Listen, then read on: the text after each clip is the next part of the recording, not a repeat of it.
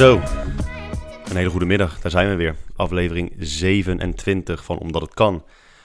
Het heeft weer eventjes geduurd, maar ehm, nou ja, de start is eh, nu officieel ingegaan.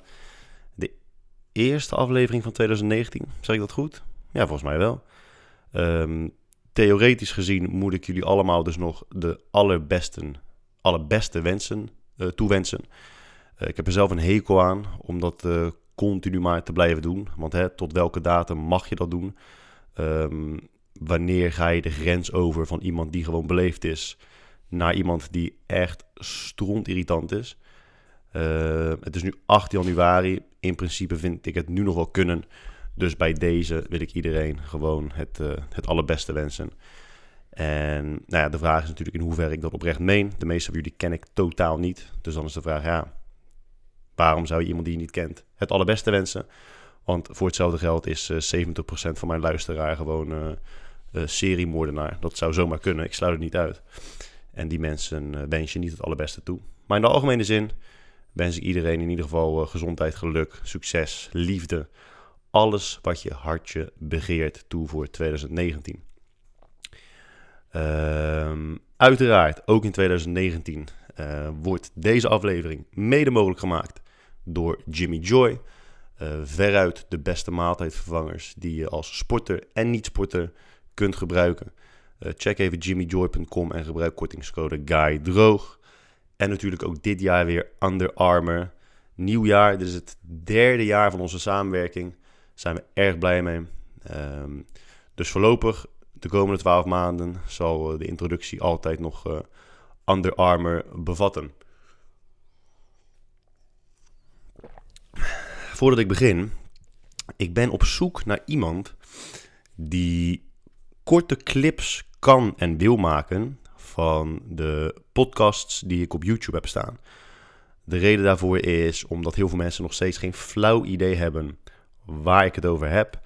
Uh, die zien dan op een gegeven moment staan dat een podcast een uur, twee uur duurt en denken, nou, laat maar zitten. Ik heb het idee dat als ze kortere clips zouden zien, dat ze denken, oh, dat is wel geinig, of oh, dat is wel interessant, of oh, dat slaat helemaal nergens op. Maar daarmee prikkel je meer mensen om in ieder geval een volledige aflevering uit te laten proberen. Dus mocht iemand zijn, bijvoorbeeld een multimedia student of studenten, die het leuk zou vinden om uh, daaraan te werken, dat is natuurlijk geen vrijwilligerswerk. Uh, het is ook geen bedrag waarmee je een penthouse kunt kopen. Maar het is in ieder geval niet gratis. Uh, mocht je dat kunnen en willen, het liefst dus iemand, mocht je een, een oom of een tante of een neefje of een nichtje hebben die dat wel zou kunnen, uh, liever niet, omdat die personen um, alle podcasts volledig zouden moeten gaan kijken. En dat kost onnodig veel tijd. uh, ik heb liever dus iemand die ongeveer weet waar wel interessante stukjes of grappige stukjes tussen staan. En die ze snel op kan zoeken, uit kan knippen. En vervolgens als losse clip kan uh, opsturen naar me. Um, en dan gaat het om clips van maximaal 60 seconden, zodat ze interessant zijn voor op social media. De reden dat ik al deze weken geen podcast heb opgenomen is natuurlijk ook mede om de feestdagen. Al is dat niet de, de volledige reden. Ik hoest echt al wekenlang. En dit is de eerste, de eerste paar dagen. Dit zijn de eerste paar dagen dat ik weer een beetje normaal uh, uh, uit mijn woorden kom. Uh, vergeef me als ik straks wel nog af en toe een beetje, een beetje hoest. Maar we hebben het inmiddels uh, al over de mannengriep gehad. Dus ik ga niet doen alsof ik, alsof ik dood aan het gaan ben. Maar het is natuurlijk niet heel prettig om continu mij haarballen op te horen roesten terwijl ik uh, je toespreek. nou ja, dat dus. Uh, ja, waar, waar, gaan we eens beginnen, jongens? Jeetje. Um, ik denk dat het wel gepast is om te starten met het hebben over goede voornemens. Het is januari en ik train gelukkig niet meer bij een openbare sportschool. Al is daar niet heel veel mis mee. Er zijn wel sommige dingen mis mee, maar niet alles is daar mis mee. Maar een van de dingen die wel mis mee is, zijn de massa's mensen die in het kader van goede voornemens denken: Nou, weet je wat? We gaan knallen, we gaan rammen. De vakantie, nee, de, de feestdagen, kilo's, die gaan eraf. De oliebollen gaan we eraf trainen. En die trainen natuurlijk van uh, 3 januari tot, uh, wat zal het zijn, 20 januari. En vervolgens zie je ze nooit meer terug. En een van de redenen dat dat komt, is omdat goede voornemens um, lijken vooraf een goed idee, omdat je toeleeft naar een symbolisch einde. En dat symbolische einde ontstaat eigenlijk alleen maar, alleen maar door tijd. Hè? Maar tijd is gewoon een, een abstract idee dat, dat bedacht is door de mens. En dan leef je dus naar dat einde toe en je maakt jezelf wijs dat op, op het moment dat de klok 12 uur slaat, dat je dan ook verandert als mens. Ehm, hè, puur omdat het nu een minuut later is dan een minuut geleden. Maar de dag daarna word je wakker, vaak ook nog eens met een geforceerde kater. En dan realiseer je gewoon dat het een dinsdag is en dat je nog steeds dezelfde motherfucker bent die, ja, die je al die tijd bent geweest. En er is gewoon letterlijk niks veranderd. en de goede voornemens, die gaan dan uh, vaak ook uh, direct de deur uit. Het idee dat je op 1 januari een ander persoon bent, en er zijn natuurlijk heel veel mensen die zeggen, ja, new year, new me, is niet zo. En de enige reden dat je dat denkt, is omdat je jezelf dat wijs hebt gemaakt. Um, nu is het natuurlijk wel eens zo dat mensen zoiets hebben van, nou, ik, ik wil het al heel lang. En dan ontstaat er dus wel een verandering in persoonlijkheid en karakter. Maar dan hebben ze een soort van laatste drempel dat ze niet precies weten wanneer ze het zouden moeten gaan doen. En dan kan 1 januari een uitkomst bieden. Uh, sommige mensen nemen hun vakantie, anderen nemen, nemen hun, uh, verjaardag. Alleen ik denk dat de situatie om, um, of het milieu om goede voornemens zodanig geforceerd is dat je, ja, je, je legt jezelf te veel op. En ook omdat heel veel mensen aan elkaar vragen van... Hey, heb, je, heb je nog goede voornemens? Dat je dan verplicht voelt om te antwoorden. Ja, ja dat, dat, het, het werkt vaak... Het werkt meestal echt totaal niet. Um, dus mijn goede voornemens uh, zijn er niet. Ik denk dat... Uh, ja, nieuwjaar is een beetje zoals je verjaardag ook. Op een gegeven moment als je 12, 13 wordt voor mij was ik zelf 12 of 13. Dat ik dacht, ja, ik ga mijn verjaardag ook gewoon niet meer vieren. Dan ben, dan ben je ook nog de leeftijd dat je thuis woont. Althans, de, de meeste mensen. Dan woon je thuis en dan gaan je ouders gaan mensen uitnodigen voor jouw verjaardag. En dan kwamen er mensen, weet je wel, vrienden van mijn ouders. En dan dacht ik, ja, maar ik wil helemaal niet beneden zitten en met jullie allemaal praten. Ik wil gewoon lekker achter de computer zitten. Of destijds was het volgens mij PlayStation 1. Ik wil gewoon lekker Tekken spelen. Ik wil helemaal niet op mijn fucking verjaardag in een kring beneden zitten. Dus volgens mij zei ik best wel op best wel jonge leeftijd van ja, ik wil, uh, ik wil mijn verjaardag niet meer vieren. Um, en ik denk dat ja, voor heel veel mensen voelt nieuwjaar vieren steeds meer als dat. Gewoon de jaarlijkse terugkerende verplichting. Want ik heb wel, naarmate ik ouder word, dat je ziet dat heel veel mensen heel veel leeftijdsgenoten ook zoiets hebben van... Ah joh, hè, maak het nou, ik lekker op de bank zitten, lekker belangrijk. Het is maandagavond, morgen is het dinsdag. Bekijk het lekker allemaal. en precies om die reden is op 1 januari naar de gym gaan ook helemaal niet bewonderenswaardig. Sterker nog, op 1 januari is alles dicht. Alles is fucking dicht. Behalve steeds meer sportscholen. Dus als alles dicht is en je bent vrij, dus je kunt letterlijk geen reet doen, behalve naar de gym, dan ga je dus eigenlijk op een vrije dag, waarop je opties heel erg beperkt zijn, naar de sportschool toe. En dat is dan een prima optie. Maar niet bewonderenswaardig. en dan zie je op social media iedereen op 1 januari of 2 januari plaatsen. Ja, yes, nu al de gym in. First day of the year. denk, ja, dude. Het is, ja, het is het is bewonderenswaardig als je op vrijdagavond, nadat je zelf al vier dagen naar de kloot hebt gewerkt en eindelijk op de bank zit en denkt, fucking hell, heerlijk zeg, eindelijk thuis. Als je dan naar de gym gaat, dat is noemenswaardig. Dat is noemenswaardig, maar niet op 1 januari. Want dan is alles dicht en dan kun je letterlijk niks anders doen dan naar de gym gaan. In die, uh, daarop voortbordurend, heb je ook eh, tijdens de feestdagen heel veel, uh, sorry dames, maar het zijn wel vooral dames die dat doen. Dat ze dan een, uh, een foto plaatsen in trainingskleding en in ja, fe feestelijke kleding, I guess. en dan staat eronder, I can do both. Of soms zelfs in de derde persoon, she can do both.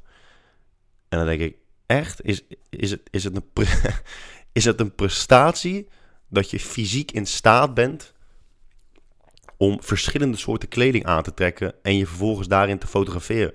Is dat echt een noemenswaardige prestatie? Moet je dat echt benoemen? Dat je dat allebei kan? Of, misschien, kijk, misschien neem ik het te letterlijk de uitspraak, hè? En dat je nu denkt, ja, maar guy, dat bedoelen ze niet. Ze bedoelen gewoon met she can do both dat ze er in beide outfits goed uitzien.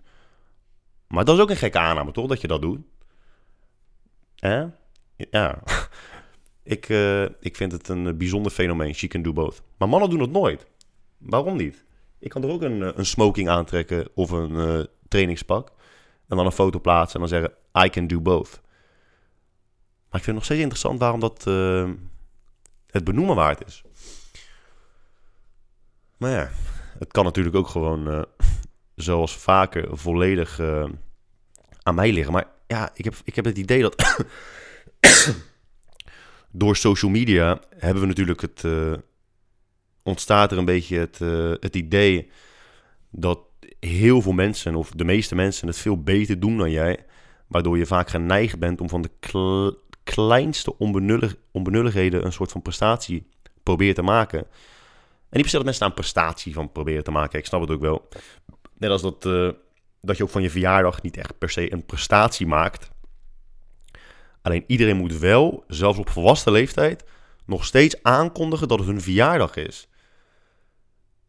Het is, ja, los van dat ik het begrijp, is het toch wel de meest transparante manier van zeggen: jongens, ik wil nu direct aandacht. Want dat, dat is, nou ja, niet letterlijk, maar wel direct wat je doet. Als jij zegt: jongens, ik ben vandaag jarig, dan zeg je precies in andere woorden hallo, ik wil heel graag aandacht en dan nu meteen van zoveel mogelijk mensen. Want hoe meer mensen reageren, hoe beter ik me voel. Ehm, op Facebook krijgt natuurlijk iedereen een, een melding als je jarig bent. En dan krijg je, nou ja, even los van het aantal ehm, in mijn geval, want het is geen wedstrijd, maar het zijn er soms best wel veel. Mensen die je nooit spreekt, nooit hoort. Je hoort er nooit iets van. Ja, gefeliciteerd met je verjaardag. Een uh, vriend van mij hij uh, doet dat dus niet. En als je. Um, hij plaatst zijn verjaardag dus niet op Facebook. En als hij dus jarig is, dan wordt hij alleen gefeliciteerd door mensen die daadwerkelijk weten wanneer hij jarig is. En dat heeft wel iets, hè? Want dan weet je dus. Dan weet je wie werkelijk interesse heeft in jouw verjaardag. En jou dus op dat moment het beste wil wensen. kom ik zo meteen wel weer op terug hoor. Want dat is. Of zal ik het er nu over hebben? Hmm. Ja, misschien toch wel nu over hebben. Um, dat heeft weer te maken met menselijke algoritmes. Dus een, een, aantal afleveringen geleden, ik weet niet meer welke precies, uh, heb ik het kort over, kort over uh, het bewustzijn gehad. Weet je wel, het bewustzijn van de mens, het bewustzijn van, van, het, uh, van dieren. Dat we nooit exact zullen weten of, nou ja, mijn hond in dit geval, of gewoon de persoon tegenover je daadwerkelijk voelt wat jij voelt. als iemand in, uh, als uh, de, de opa van jouw trainer of van jouw cliënt of van jouw buurjongen, als die komt te overlijden, dan, of als jouw opa komt, komt te overlijden, dan zullen mensen jou condoleren. Dan zullen ze zeggen, oh, weet je wat, wat verschrikkelijk. Um, ik vind het heel erg om dat te horen. Ik wens je heel veel sterkte. En dan is altijd de vraag: zeggen mensen dat omdat ze weten dat je op dat moment zoiets moet zeggen, oftewel een algoritme? Of zeggen ze het omdat ze daadwerkelijk een emotionele reactie op dat nieuws voelen? En dat weet je niet. En natuurlijk kun je wel zeggen: ja, maar ik zie aan die persoon dat ze emotioneel geraakt zijn erdoor. Maar een uiting van een non-verbale uiting van emotie kun je natuurlijk ook gewoon faken. En nu zeg ik niet dat er mensen zijn die het faken. Ik zeg alleen maar dat het kan. En dat je dus in die zin nooit echt weet of iemand emotie ervaart. En zeker niet of ze het hetzelfde ervaren als dat jij doet. Dus als jij een partner hebt, en ik heb het nog eerder besproken, maar het, dient als introductie voor uh, wat komen gaat. Um, als jij een partner hebt en jij zegt tegen hem of haar: Ik hou van jou, dan kan je, kun je dat zeggen omdat je weet of denkt dat je op dat moment dat zou moeten zeggen. Dat is gepast. Hè? Je zit ergens met zonsondergang aan het strand. Het is allemaal hartstikke romantisch. Of in ieder geval voldoet het aan het beeld eh, dat jij van romantiek hebt. Je kijkt elkaar aan en dan denk je, ja, dit is eigenlijk wel een gepast moment om te zeggen, ik hou van je. Dat kan, maar je weet nooit of zij of hij op dat moment daadwerkelijk het gevoel van houden van ervaart. En nogmaals, ook niet of het hetzelfde is zoals jij dat doet. Net zoals dat je nooit zult weten of je uh, allebei de kleur rood hetzelfde ziet. Dat weet je gewoon niet. Je kunt wel zeggen, ja, is dit rood voor jou? En dan kunnen beide mensen ja zeggen. Maar of jij rood op exact dezelfde manier ziet, is onmogelijk om te bewijzen. Dat, dat kan gewoon niet. um, ja, nu weet ik dat het als introductie dient. Het was een brug naar het volgende punt. Ik weet alleen het startpunt niet meer zo goed. Doet er in ieder geval niet toe. Ik was uh, Homo Deus laatst het derde stuk weer aan het lezen. Het derde stuk uit het boek. Mocht je het boek nog niet gelezen hebben. Ik denk dat de meeste mensen die lezen uh, en geïnteresseerd zijn in uh, non-fictie, specifiek dat soort onderwerpen, dat ze Sapiens wel hebben gelezen. Uh, ik ben wel van mening dat Homo Deus beter is. Um, Homo Deus heb ik echt heel erg van genoten. Dan met name het laatste stuk. Daarin beschrijft hij eigenlijk zijn, uh, zijn persoonlijke toekomstbeeld. Waar hij denkt dat de mensheid naartoe gaat. Uh, even kort gezegd, nu zijn we Homo sapiens. Hij verwacht dat uiteindelijk, en met uiteindelijk bedoel ik niet over vijf jaar, uh, maar dat kan honderden of duizenden jaren zijn, dat Homo sapiens voor een groot deel uit zal sterven en ruimte zal maken voor iets wat hij Homo Deus noemt. in ieder geval, het gaat dan met name om algoritmes. En dat. Um, dat eigenlijk alle beroepen die wij momenteel doen, voornamelijk gebaseerd zijn op menselijke algoritmes.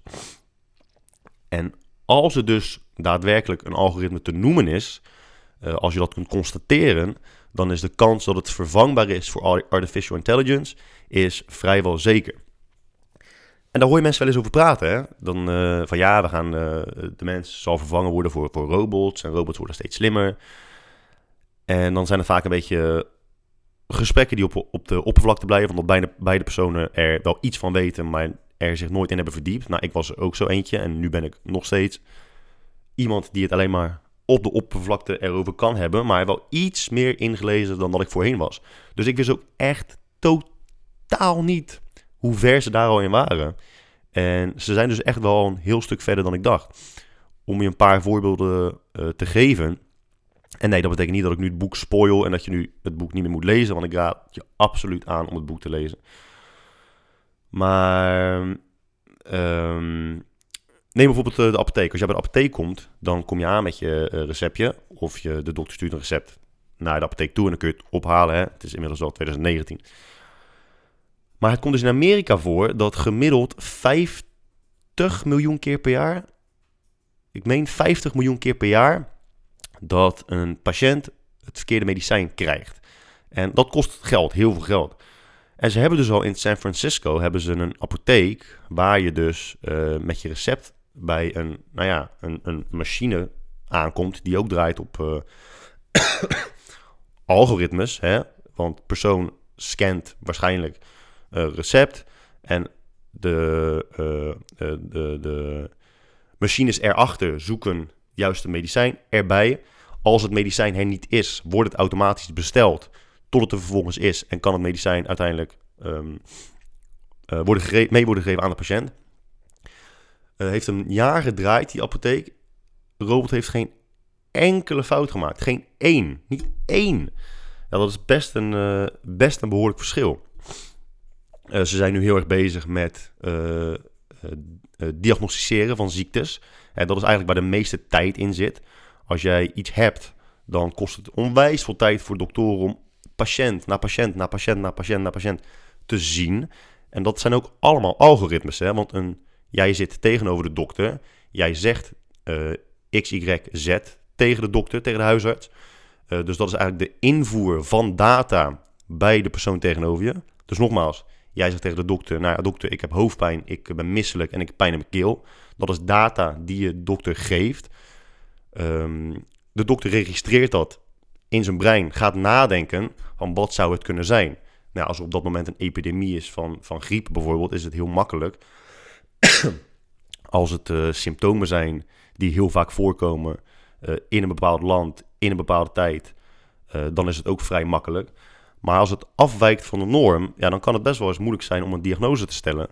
Omdat de arts beperkt is tot wat hij zelf weet. En dat is wel veel, maar het is niet alles. Dus ze zijn nu al heel erg bezig met uh, artificial intelligence uh, ontwikkelen. Waarbij de apparaat tegenover jou een diagnose kan stellen op basis van alle ziektes die ooit geregistreerd zijn wereldwijd. En die kan binnen een seconde alles scannen en kijken in hoeverre jouw symptomen overeenkomen met wat je zegt. en dan, heb, en dan hebben we het nu over een enkel individu. Stel je voor, je zit in een ziekenhuis of je zit gewoon in een badkamer waar het heel erg druk is en er zit twintig man. Die kunnen één voor één voor één kunnen onwijs snel allemaal geholpen worden. Het scheelt tijd, scheelt geld. En zolang het tijd en geld scheelt, kunnen wij ons sneller ontwikkelen. Uh, en in het kader van kapitalisme is dat iets wat we altijd zullen willen. En nou ja, de kans dat dat uiteindelijk heel veel huisartsen zal overnemen, is um, in ieder geval op basis van de statistieken van de auteur vrijwel gegarandeerd. Volgens mij was, heeft, um, ik weet even niet meer welke universiteit het had gedaan. Het was in ieder geval een universiteit die had een, een, een, uh, een onderzoek afgelegd naar hoeveel beroepen uiteindelijk hoogstwaarschijnlijk uh, zouden komen vervallen. En volgens mij was dat 87% van alle beroepen wereldwijd die je kunt vervangen voor uh, artificial intelligence. Een van de tegenargumenten is dan vaak: nee, maar weet je, als ik bij de dokter ben, dan wil ik heel graag dat een. Stel je voor, je hebt kanker. Ik zou wel heel graag willen dat ik slecht nieuws krijg van een mens. Is toch het menselijke gevoel.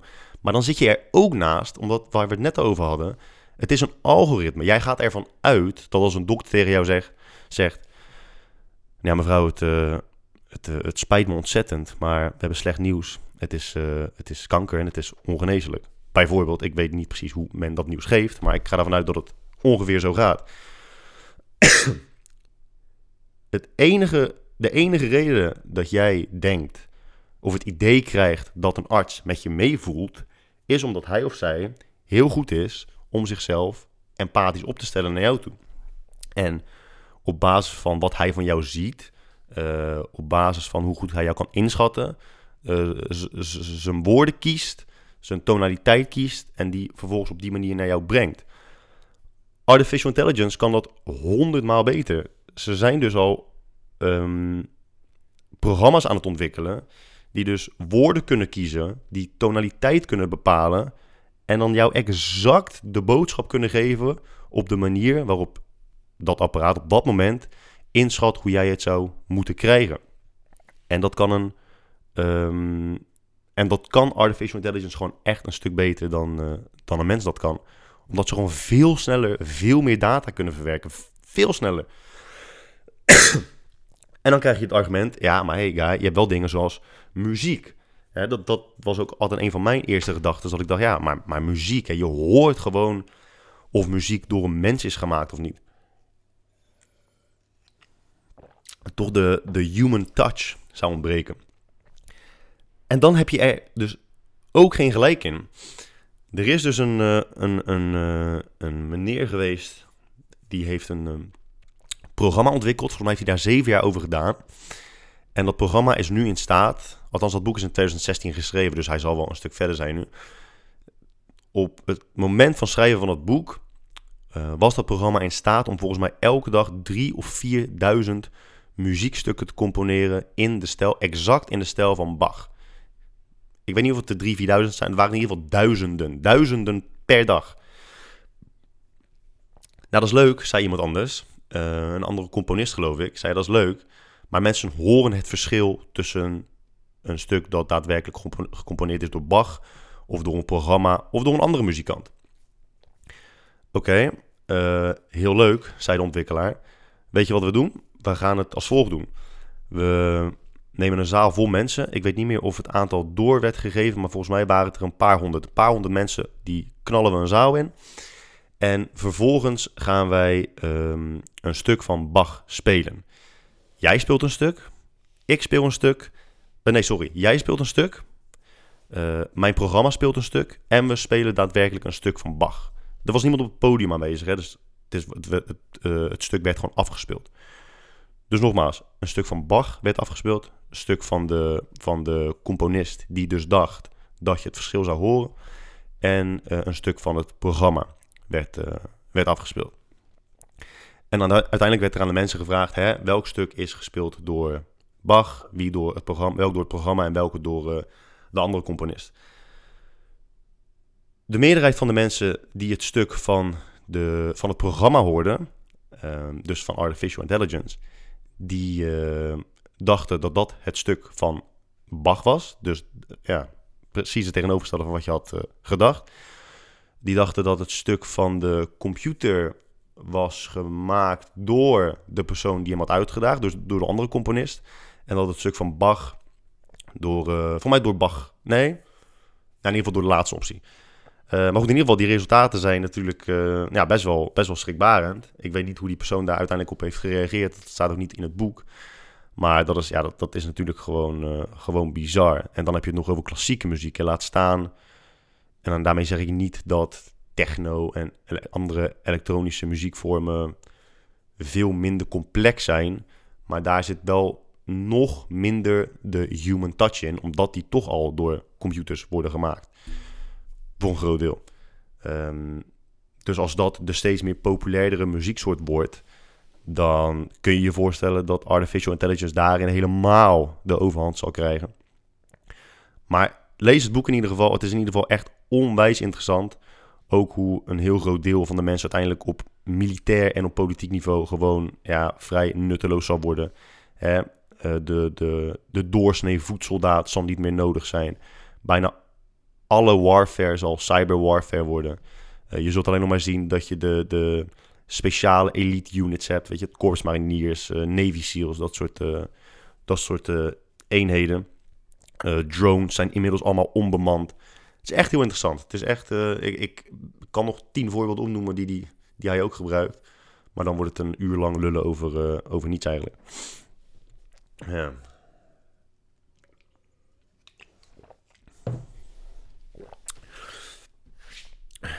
Waar ik eh, de laatste een klein beetje allergisch voor, eh, voor word, is, eh, hoe, noem, ja, je het? Ja, de, de radicale feminist. Ik denk dat de radicale feminist een, een goede term is daarvoor. Laat ik in ieder geval vooropstellen dat het feminisme iets heel erg, heel erg goeds is. Hè? Ehm, het is natuurlijk een gevoelig onderwerp voor, voor, voor veel mensen. Ehm, dus laat ik maar gelijk mijn standpunt duidelijk maken. Ik ben zeer zeker pro-feminisme, tot op zekere hoogte. Ik ben zeer zeker voorstander voor gelijkwaardigheid. Ehm, dus met dat gezegd hebben, daar kun je me niet, eh, niet op eh, pakken. Eh, ik vind absoluut man en vrouw wereldwijd moeten gelijke kansen krijgen. Overal moet het speelveld gelijk worden getrokken en kansen moeten gelijk zijn. Maar gelijkwaardigheid is niet hetzelfde als gelijkheid. Je, je, kunt niet, je kunt nooit zeggen dat mannen en vrouwen volledig gelijk zijn aan elkaar. Wel gelijkwaardig, maar niet gelijk. Maar dat is ook niet erg. En, en daar gaan heel veel mensen een klein beetje de mist in, voor mijn gevoel. De radicale feminist. Ehm, iets heel simpels. Als jij gewoon in een normaal gesprek met iemand die niet eens, niet, niet eens heel erg feministisch in is gesteld, eh, ingesteld is, en je zegt, je, je benoemt bijvoorbeeld mannelijke en vrouwelijke eigenschappen, dan is dat voor sommige mensen al een beetje een kwalijke zaak als je dat zegt. Maar het is iets doodgewoons. Neem bijvoorbeeld ehm, eh, ka- karaktereigenschappen. Hoe bijvoorbeeld een persoonlijkheidstest wordt gemaakt, of wordt gedaan, of hoe dat is gedaan. En hoe op basis daarvan karaktereigenschappen worden bepaald. En, of, en hoe aan de hand daarvan wordt bepaald of iets een mannelijke of een vrouwelijke eigenschap is. Eh, heel simpel. Je, je neemt gewoon 5000 mensen en je geeft 5000 mensen een A4'tje met daarop 100 karaktereigenschappen. En je zegt tegen iedereen, nou luister, ik wil dat jij 10 eigenschappen eh, selecteert die het beste bij jou passen. Dan zie je gewoon bepaalde eigenschappen die veel vaker voorkomen bij mannen en veel minder vaak dan bij vrouwen. En dan spreken ze gewoon van een mannelijke eigenschap. Dat betekent niet dat die, dat die eigenschappen nooit bij vrouwen voorkomen, maar wel veel meer bij mannen. En dan zeg je gewoon, dat is een mannelijke eigenschap en dat is een vrouwelijke eigenschap. En dat betekent niet dat als je iets een mannelijke eigenschap noemt, dat dat beter is dan een vrouwelijke eigenschap. En daar gaan heel veel mensen de mist in. En dat is best uh, akelig, af, uh, akelig af en toe. en wat je nu dus ziet met bijvoorbeeld, uh, wat ook een heel gevoelig onderwerp is, uh, hoeveel mannen en vrouwen verdienen. En wat er dan gebeurt, je hebt dus een studie waaruit blijkt dat, dat mannen gemiddeld meer verdienen dan vrouwen. Dat voor elke dollar die een man verdient, een vrouw volgens mij 78 of 87 dollarcent verdient. Maar dat is gemiddeld. En wat doet de radicale feminist? Die zegt, ho even, uh, vrouwen verdienen meer dan mannen. Dat klopt niet. Je kunt nooit geslacht als enige afwijkende factor gebruiken. Het kan wel, maar wel pas nadat je de vraag hebt gesteld: waarom verdienen mannen gemiddeld meer dan vrouwen? Want nogmaals, ze verdienen gemiddeld meer. En sorry. Uh, en zeggen dat ze hoe dan ook altijd meer verdienen dan vrouwen. Dat is statistisch en feitelijk incorrect. En um, dus je kunt niet stellen dat mannen verdienen, dat mannen gemiddeld meer verdienen dan vrouwen, omdat ze man zijn. Dat is letterlijk ja, onjuist. Um, dus als je jezelf de vraag stelt, nou ja, waarom zouden mannen gemiddeld meer verdienen dan vrouwen? Daar zijn ook gewoon studies naar gedaan. En die zijn best wel uh, doorslaggevend in bepaalde uitspraken doen. Mannen uh, werken over het algemeen, en nogmaals, hè, nuance. Als ik zeg over het algemeen, dan zeg ik niet dat jij, um, uh, Melissa of Saskia, dat jij minder werkt dan jouw man. Dat zeg ik niet. Over het algemeen werken mannen langere uren dan vrouwen. Uh, mannen zijn eerder bereid om te verhuizen voor hun werk, voor hun baan. Uh, uh, mannen hebben over het algemeen gevaarlijkere beroepen, hè? meer handmatig, meer fysiek intensief werk. Mannen hebben over het algemeen veel meer werk in defensie. Dus ja, uh, bij de politie werken meer mannen. Dus mannen nemen het over het algemeen gevaarlijkere beroepen aan. Of beroepen met een, een stuk, meer, uh, stuk meer risico. En zo zijn er nog veel meer redenen die je kunt opzoeken. En waaruit je kunt stellen of concluderen waarom mannen gemiddeld meer verdienen dan, dan vrouwen. En dat is niet alleen maar omdat ze man zijn. Er is wel een studie gedaan die keek naar, oké, maar nee, laten we gewoon eens nemen, uh, laten we gewoon eens een paar duizend mensen nemen die uh, uh, exact dezelfde functie hebben. En daaruit bleek dat er een verschil was van volgens mij 0,78% tussen man en vrouw. Op dat moment zou je dus wel kunnen stellen: oké, puur op basis van geslacht is er een verschil van 0,78%. Um, een, van de, een van de redenen, nogmaals, waarom even terugkerend op wat ik net zei, waarom mannen ook gemiddeld meer verdienen dan vrouwen, is omdat vrouwen ook vaker um, uh, um, hoe noem je dat nou? Uh, verlof, verlof nemen, sorry. Omdat ze kinderen krijgen. Over het algemeen krijgen vrouwen iets vaker kinderen dan mannen. Uh, en daar wordt, daar wordt ook gewoon rekening mee gehouden bij die, bij die berekening. oh, er was in ieder geval een constatering van 0,78% verschil puur op basis van geslacht. Dan zou je dus kunnen stellen, ja, oké, dat verschil is er. Maar dan doe je ook weer de aanname dat je altijd wordt betaald voor je functie. Maar je wordt niet alleen maar betaald voor je functie, je wordt ook betaald voor hoe competent je bent. en dan zeg ik niet gelijk dat mannen uh, meer competent zijn dan vrouwen. Mannen zijn voor bepaalde beroepen meer geschikt dan vrouwen, maar andersom ook. Er zijn ook uh, beroepen waar vrouwen veel meer geschikt zijn dan mannen. Maar die hele discussie, en die zie je dan heel erg veel op Twitter voorbij komen. Uh, niet dat ik op Twitter zit, maar je ziet dan vaak screenshots voorbij komen op andere social media kanalen. Dat ik denk, jezus jongens, dit is zo, zo ongenuanceerd. De, de, het, de enige vergelijking die ertoe doet, is als je een man en een vrouw neemt, die allebei dezelfde uh, functie hebben, die allebei dezelfde functie hebben binnen hetzelfde bedrijf, ongeveer even oud zijn, even competent zijn, even ervan uitgaande dat je competentie uh, voor dat beroep kunt meten, en ook evenveel ervaring hebben. Als al die datapunten gelijk zijn, al die factoren hetzelfde zijn, en er is dan nog steeds verschil, uh, ja, dan, dan zou je wellicht kunnen spreken van discriminatie. Maar dat gebeurt niet heel erg veel. Uh, en dan zeg ik niet dat het daarom helemaal wordt, vergeten moet worden. Dan we moeten zeggen, ja, weet je, het gebeurt zo weinig, we hoeven daar niet naar te kijken. Oh, ik zie nu trouwens dat ik het heb, uh, dat ik het heb genoteerd. Een, een analyse van 1,3 miljoen werknemers. Oh hier, dus oké, nee, sorry. Even terugkomen op wat ik net zei. Um, rekening houdend met die factoren, dus uh, dezelfde baan, dezelfde hoeveelheid uh, ervaring, en dus zij hebben nog competentie niet erbij, gerekend, ervaring, dezelfde baan, hetzelfde bedrijf. 1,3 werknemers, uh, 0,9% verschil in, in salaris. Ja, nou interessant. Maar dat, dat, dat, dat, dat ongenuanceerde gedoe is echt man, daar kan je echt koppijn van krijgen.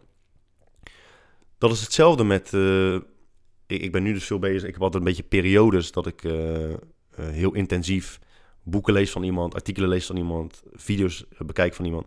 Nu is dat Jordan Peterson en die periode duurt, duurt wat langer dan normaal, omdat die man zo verschrikkelijk veel videocontent heeft. je kunt al zijn, zijn lezingen van de Universiteit in Toronto kun je ook online kijken. Nou, dat, dan heb je het over tientallen uren. Dus ik zit er al, uh, nou ja, ik heb er al best wat, uh, wat, wat, uren op zitten. Maar daarom vind ik het ook zo pijnlijk als je dan iemand op social media ziet zeggen van... Oh, Jordan Peterson, ja, dat is toch die gast die bla bla bla bla, zegt. Dan, noemen ze, dan pakken ze één zin, één uitspraak, die ook nog meestal uit context is getrokken. Of gewoon onbegrepen wordt door de persoon die kritiek geeft. Daarmee zeg ik trouwens niet dat alles wat hij zegt uh, waar is. Of dat ik, hè, dat ik, dat ik, dat ik hem aanbid.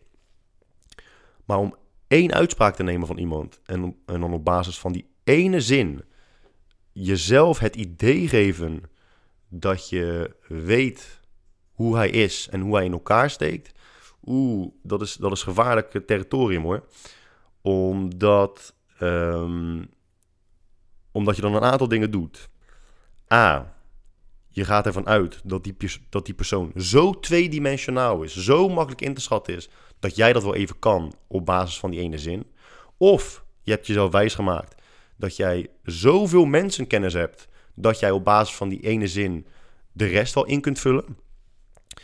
Uh, nou, die, ja, die twee dingen zouden. Uh, hè?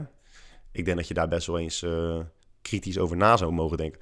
Het kan soms wel. Je kunt wel echt serieus soms op basis van één uitspraak van iemand een hele grote invulling maken. Maar dat is meestal iemand die zich vastklampt aan een bepaalde ideologie. Of uh, hè, iemand die bijvoorbeeld uh, naar de extreme wijkt. Extreem links, extreem rechts. Als het gaat om uh, iemands politieke kijk op, op de wereld. Maar even heel gek gezegd. Als ik tegenover een, een potentiële klant zit.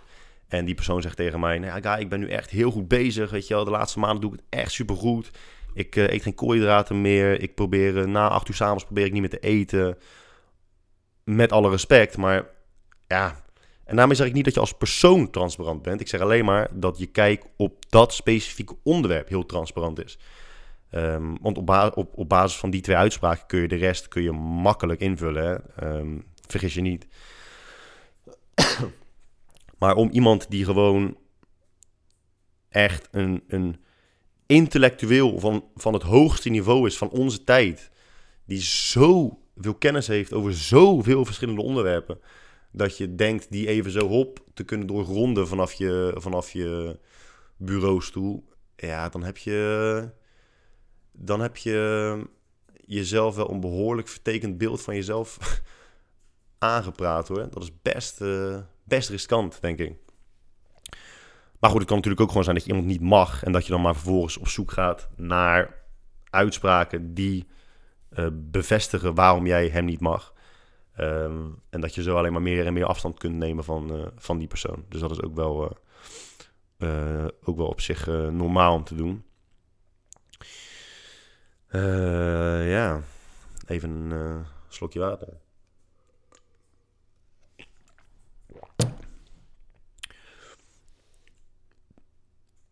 In het, in het kader van iemands um, kijk op bepaalde zaken verder in kunnen vullen. Een van de dingen die daar ook heel erg op aansluit is... Oh, dan kan ik ook zo een alert... Ah, dat vind ik ook zo verschrikkelijk. Er zijn... Er zijn bepaalde uitspraken waarvan ik denk, ja, weet je, als mensen bijvoorbeeld zeggen, ehm, iedereen heeft zijn eigen waarheid. Daar, daar moest ik laatst nog aan denken. Dat is zo irritant. Dat is, dat is een hele makkelijke uitweg natuurlijk om maar jezelf wijs te maken waarom jij uh, op dat moment in tijd ook wel misschien gelijk hebt. Je kunt gewoon zeggen, ja, maar, ja, maar iedereen heeft zijn eigen waarheid. Prima, maar dat gaat vaak verder, en dat is dan vooral heel Hollands om te doen, dat je dan zegt, iedereen heeft zijn eigen waarheid en die moet je accepteren. Ik uh, zat dus op Instagram te kijken en ik volg nu uh, Vetpa. Vetpa, dus uh, Vet is dierenarts, Pa is poot. V-E-T-P-A-W van Willem. Um, let op als je daarop gaat kijken. Um, best wel schokkende content. Maar zij zetten, zich, zij zetten zich in voor vooral de neushoorns in Zuid-Afrika. En, en, en dat is gelijk het bewijs waarom het zo'n fucking domme, onzinnige, nietszeggende uitspraak is. Iedereen heeft zijn eigen waarheid en die moet je respecteren. Omdat het altijd tot een bepaald punt is. Als jij zegt, iedereen heeft zijn eigen waarheid en die moet je respecteren, dan moet je dat doortrekken naar alles. Je kunt niet zeggen, nee, nee, nee, tot aan dit punt. Want dat, dat betekent dat alleen het punt waarop wij dan niet meer eens zijn met die uitspraak verschilt. Als je die, neus, die, die, die, die neushoorns die worden afgeslacht, en dat is trouwens ook zo fucking gruwelijk. Ik weet niet of ik dat had besproken in mijn Zuid-Afrika podcast. Maar ik dacht altijd dat ze gewoon um, de hoorn van een neushoorn eraf zagen. Maar dat is voor die, uh, voor die stropers is dat niet genoeg. Ze willen echt tot aan het uiterste puntje moet het uitgesneden worden. Dus ze hakken letterlijk gewoon de helft van het gezicht van zo'n neushoorn hakken ze af. Nou, daar zie je dus heel veel video's van en, en foto's van op, uh, op die Instagram pagina. Maar oké, dan, dan krijg je nu dus de volgende stelling. Iedereen heeft zijn eigen waarheid. Oké, ervan uitgaande dat we het daar allemaal over eens zijn. Ik ben het er niet mee eens, maar even puur voor de discussie. Stropers geloven, althans de mensen aan wie ze, aan wie ze het verkopen, uh, en misschien de stropers zelf ook wel, dat zou me zeer zeker niet verbazen, uh, die geloven dat er hele magische stoffen in zitten, die volgens mij vooral worden gebruikt voor het behandelen van, uh, van erectiestoornissen. en dan vooral in China wordt medicatie van, eh, van gemaakt en dergelijke. Dat is hun waarheid. Daar geloven zij echt in. Uh, daar verdienen, verdienen, ze geld mee. Dus dan krijg je natuurlijk wel de discussie van ja, geloven zij er daadwerkelijk in of willen ze gewoon geld verdienen? Maar goed, er zijn nog steeds genoeg kopers van die medicatie. Dus ergens in het proces zullen er wel genoeg mensen zijn die er volledig in geloven. Dat is hun waarheid. Als ik dan aan jou vraag, als jij dus van mening bent dat iedereen zijn eigen waarheid heeft en dat je die moet respecteren, dan moet je het daar ook mee eens zijn. Dan moet je zeggen, ja, die waarheid respecteer ik ook. En dat heeft dan wel bepaalde consequenties. Maar ja, hè? iedereen is anders. En zo, uh, zo verschillen we allemaal van elkaar. Dat is toch de grootste onzin die je zo wijs kunt maken. Het is, het, is niet alleen maar, het is niet alleen maar noodzaak dat we in de wereld spreken en kijken naar: oké, wat zijn, wat zijn de. Wat zijn, wat zijn objectief meetbare waarheden? We moeten toch ook kijken naar dingen die nu al geloofd worden of altijd zijn geloofd, die aantoonbaar onjuist zijn en dat benoemen. Maar dat is puur in het kader van altijd positief denken, altijd positief blijven zijn naar elkaar. Dat je dus de, de, de negatieve dingen, de dingen die gewoon niet kloppen, dat je die maar beter niet kunt benoemen, omdat je andermans waarheid moet accepteren. Respecteren. Neem uh, menselijke offers. Hè? Menselijke offers zijn zo verschrikkelijk lang gedaan. De, de, ook in die film, weet die film nou? Uh, Apocalypto. Dan heb je nog de, de Aztecs. Is het in het Nederlands Aztecs? De Aztecs. Even opzoeken of dat het Nederlandse woord is ook. Aztecs. Aztec. De Azteken. Azteken is het, uh, is het meervoud van. Uh... Nou goed, in ieder geval, zij dus. Zij offerden volgens mij 20.000 mensen per jaar uh, op aan, aan, aan de goden. Um, het gebeurt nu gelukkig wel iets minder in, in de wereld. Maar dingen gebeuren nog wel, bijvoorbeeld cannibalisme. Je hebt, je hebt kindsoldaten in, ergens in Afrika. Libië volgens mij in ieder geval, voordat die kindsoldaten ter strijde trekken, plukken ze gewoon mensen weg uit dorpen. Die slachten ze af, eten ze hun organen op. Om vervolgens, vol goede moed en met goed geluk in hun broekzak, uh, mensen neer te knallen. Is dat, is dat, ja, dat, is, dat is hun waarheid. Maar die kunnen, we toch, die kunnen we toch niet respecteren? Dat is toch te gek voor woorden? Maar je kunt, nogmaals, je kunt ook niet stellen dat het alleen maar gaat om dat, dat je alleen maar in die uitspraak gelooft als het om onschuldige dingen gaat. Je moet achter je uitspraak staan of niet. En als er al ergens ruimte is voor twijfel, of als je al ergens een grens overgaat, dan kan het ook gewoon zijn dat jouw grens wat verder ligt dan mijn grens. Uh, maar het is wel iets om over na te denken. En misschien ook niet, hè. Het, uh, het hoeft... Uh... Maar weet je, maar het zijn ook soms... Ja, als ik over nadenk, word ik echt, vind ik echt irritant. Laatst had ik het met mijn, eh, met mijn eh, zwager erover. Uh, ik had het er laatst met mijn zwager over, Joey. En, en niks ten nadele van Joey, maar Joey had het over aardappelen. We hadden het over aardappelen en rijst.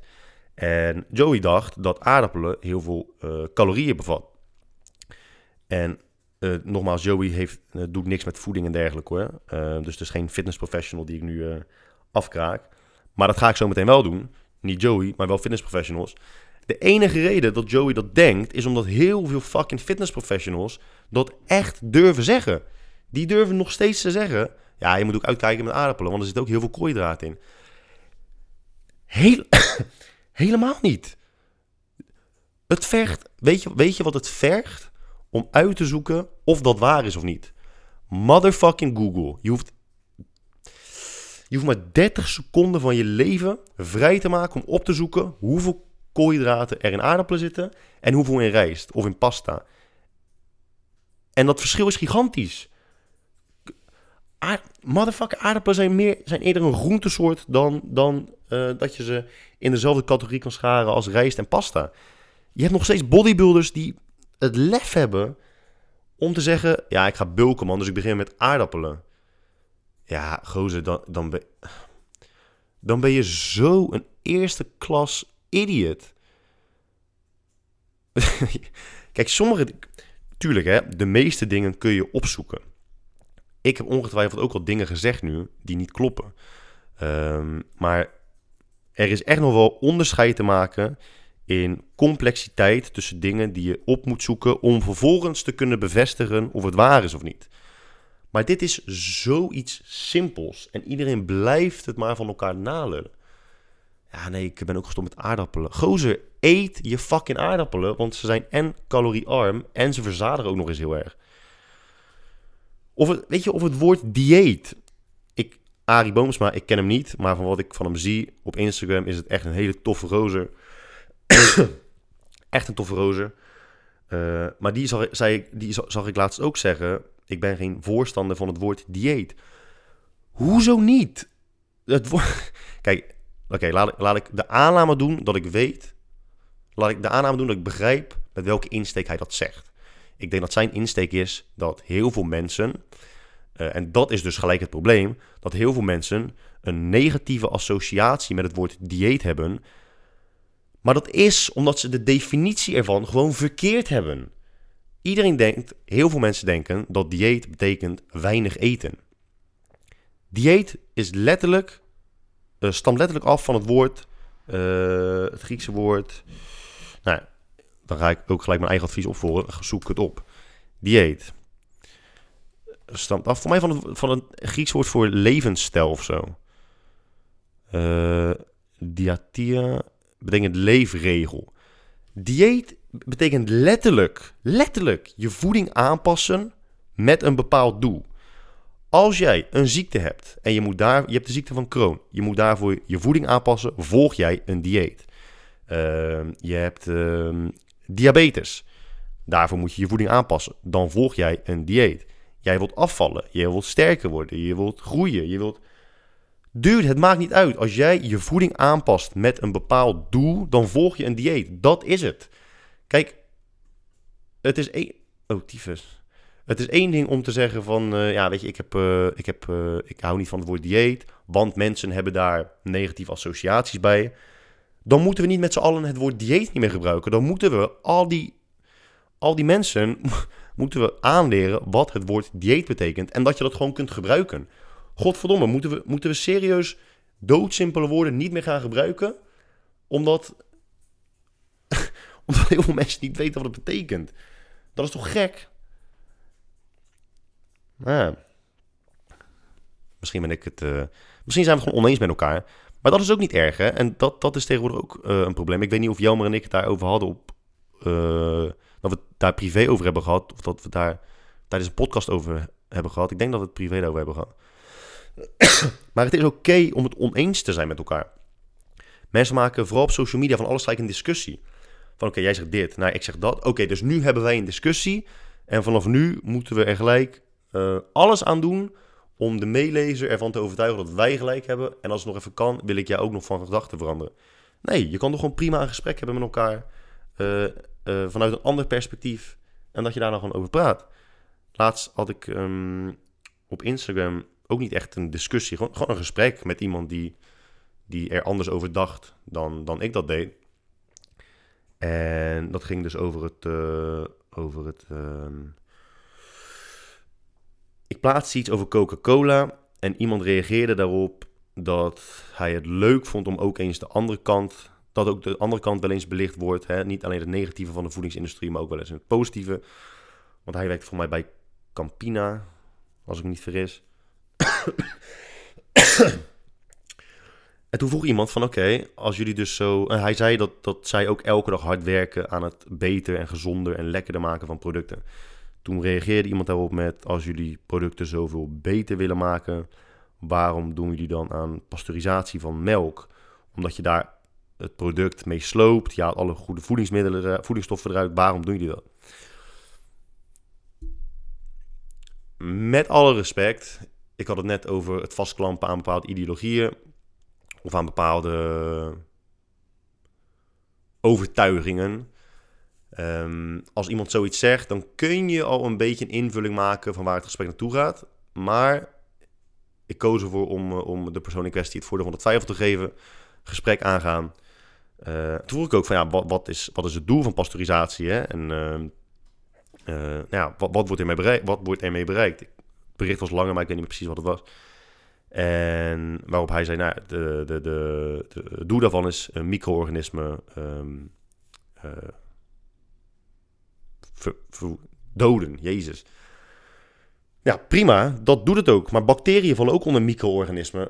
En als je kijkt naar wat er daadwerkelijk gebeurt met voedingsstoffen, uh, vooral dan uh, micronutriënten na pasteurisatie, is dat je volgens mij, en nu ga ik weer gewoon willekeurige dingen uit de lucht trekken, uh, omdat ik het niet zeker weet, maar ik geef het in ieder geval, ik geef het in ieder geval vooraf aan. Hè? Uh, dus ik dek mezelf een beetje in. Volgens mij is het zo dat vitamine B12 verlaagt, maar volgens mij verhoogt vitamine A.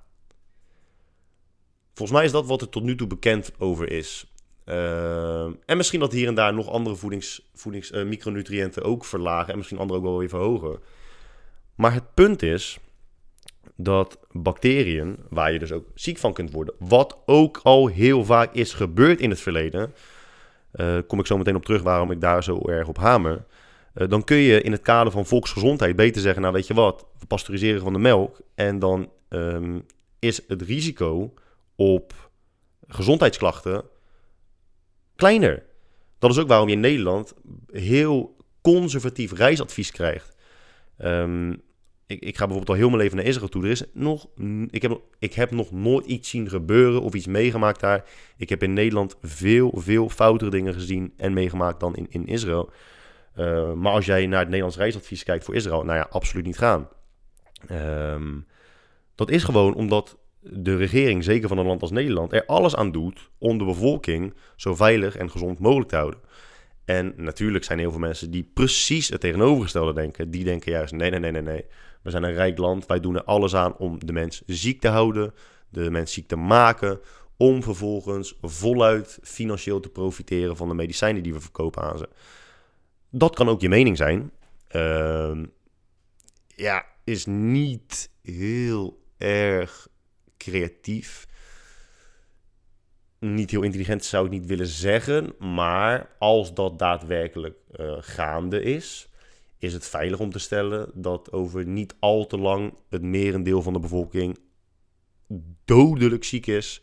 En dat er maar een hele, hele, hele kleine groep van de elite gezond is. Maar goed, we zullen zien hoe, het dat, hoe dat uiteindelijk uh, uitspeelt. Maar goed, zijn reactie was dus dat. Um, dat uh, nou, hij impliceerde of suggereerde in ieder geval. dat ik dus ook voor het, uh, voor het complot val. Dat ik daar ook intrap.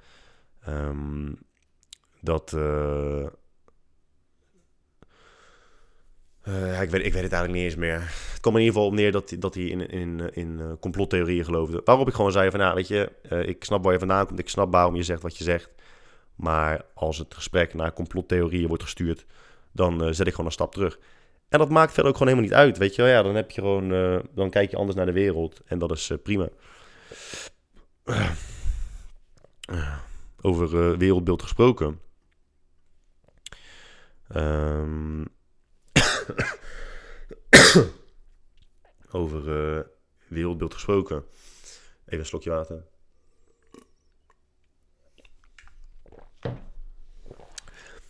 Ik vind het dus best, wel interessant om, uh, en dat doe ik eigenlijk al heel mijn leven, en dat is ook niet altijd even gezond, hè, dat geef ik ook wel toe. Maar ik vind het best wel interessant om nogal zieke video's te kijken of artikelen te lezen. Of te lezen over uh, seriemoordenaars, massamoordenaars. Um, ik heb natuurlijk al een keer een aflevering aan over uh, fetishes, seksuele fantasieën, maar wel dingen die echt heel erg afwijken van, van de norm. En net als in, in de aflevering over Zuid-Afrika, dat ik zei van ja, ik wil, ik wil bungee jumpen, omdat ik heel erg benieuwd ben naar hoe ik op dat moment zou zijn dat draagt bij aan een realistisch zelfbeeld. je ontwikkelt daarmee een, een volledig, een compleet zelfbeeld. Of in ieder geval zo compleet mogelijk. Je zal, je zal nooit in je leven in elke mogelijke situatie verkeren. Dus je kunt, in die zin kun je jezelf nooit volledig kennen en jezelf wijsmaken dat je dat wel doet, is het bewijs dat je jezelf niet kent en dat je verschrikkelijk naïef bent. Maar je, je, je inlezen in dat soort onderwerpen dat vind ik belangrijk om een realistisch wereldbeeld te ontwikkelen. Um, het is best wel. Nou ja, ja, naïef klinkt dan ook weer. Dat is weer zo'n typisch zo'n woord. Net als egoïstisch, naïef. Dat zijn woorden waar mensen een hele negatieve, uh, hele negatieve associaties mee hebben. Omdat ze meestal van zoiets worden beschuldigd door hun partner. En dan ja, worden ze boos als ik het, als ik het ook zeg. Maar ik moet nu wel het woord naïef even gebruiken. Het is naïef om te denken dat sommige dingen bijvoorbeeld nooit zullen gebeuren. Of het is naïef om te denken dat als jij iets ziet gebeuren op straat of uh, iets op het nieuws ziet, dat je dan denkt: dit is echt het ziekste wat een mens zou kunnen doen. Of dit is echt erger dan dit wordt het niet. Dude, het, het kan altijd erger worden. Het, het maakt niet uit hoe ziek je het uh, kunt bedenken. Al, al heb je nog zo'n creatief brein het ziekste wat je kunt bedenken is waarschijnlijk nog steeds verre van het ziekste waar de mens toe in staat is. En um, ja, ik hecht gewoon in die zin heel veel waarde aan in dat opzicht een, een, een zo compleet mogelijk wereldbeeld ontwikkelen. Omdat je daar ook beter mee leert, en dat is een beetje cliché, maar het is wel zo. Je leert beter relativeren. Je kunt beter beoordelen over hoe erg een bepaalde situatie daadwerkelijk is. Dan wordt het wel weer een ethisch vraagstuk van oké, zeg je nu dan dat iemand die een kind van acht doodschiet, is dat dan minder erg dan iemand die um, een hele schoolbus vol kinderen van acht opblaast? Is het een dan erger dan het ander? als je moet gaan kiezen tussen twee opties, uh, laat ik het zo zeggen, als ik niet zou moeten kiezen, is het allebei verschrikkelijk. Het is echt niet zeggen, nou, nou weet je, ik, ik offer er liever één op dan tien. Maar als je toch al moet kiezen, uh, en als het toch volledig uh, ethisch beantwoord moet worden, ja, dan is, dan is één kind doodschieten is, erger, is minder erg dan, dan een, een bus vol kinderen. En daarmee bedoel ik ook niet dat als jij dus het nieuws kijkt en je ziet dat iemand vermoord is, en dat je dan zodanig ontwikkeld wereldbeeld hebt, dat je dan maar moet, dat je dan maar moet denken van, oh, nou weet je, het kan altijd erger, dus hè, laat dit maar lekker zitten. Mm. Maar toch is, ja, toch is het met alles zo dat je, dat je het altijd een plek geeft op een bepaalde ladder, een bepaald... Uh, bepaalde hiërarchie. En, en elke gebeurtenis neemt ergens daarin gewoon een, een plaats in beslag. En als, als, als, als dat beeld dat je hebt zodanig beperkt is, dan is de kans ook veel groter dat relatief kleine of onschuldige dingen als al veel te erg worden ervaren. Denk ik. Ik zie dat ik een heel stuk uh, heb verwijderd over uh, iets wat ik wilde bespreken, die ik dus nog niet had besproken. Maar goed.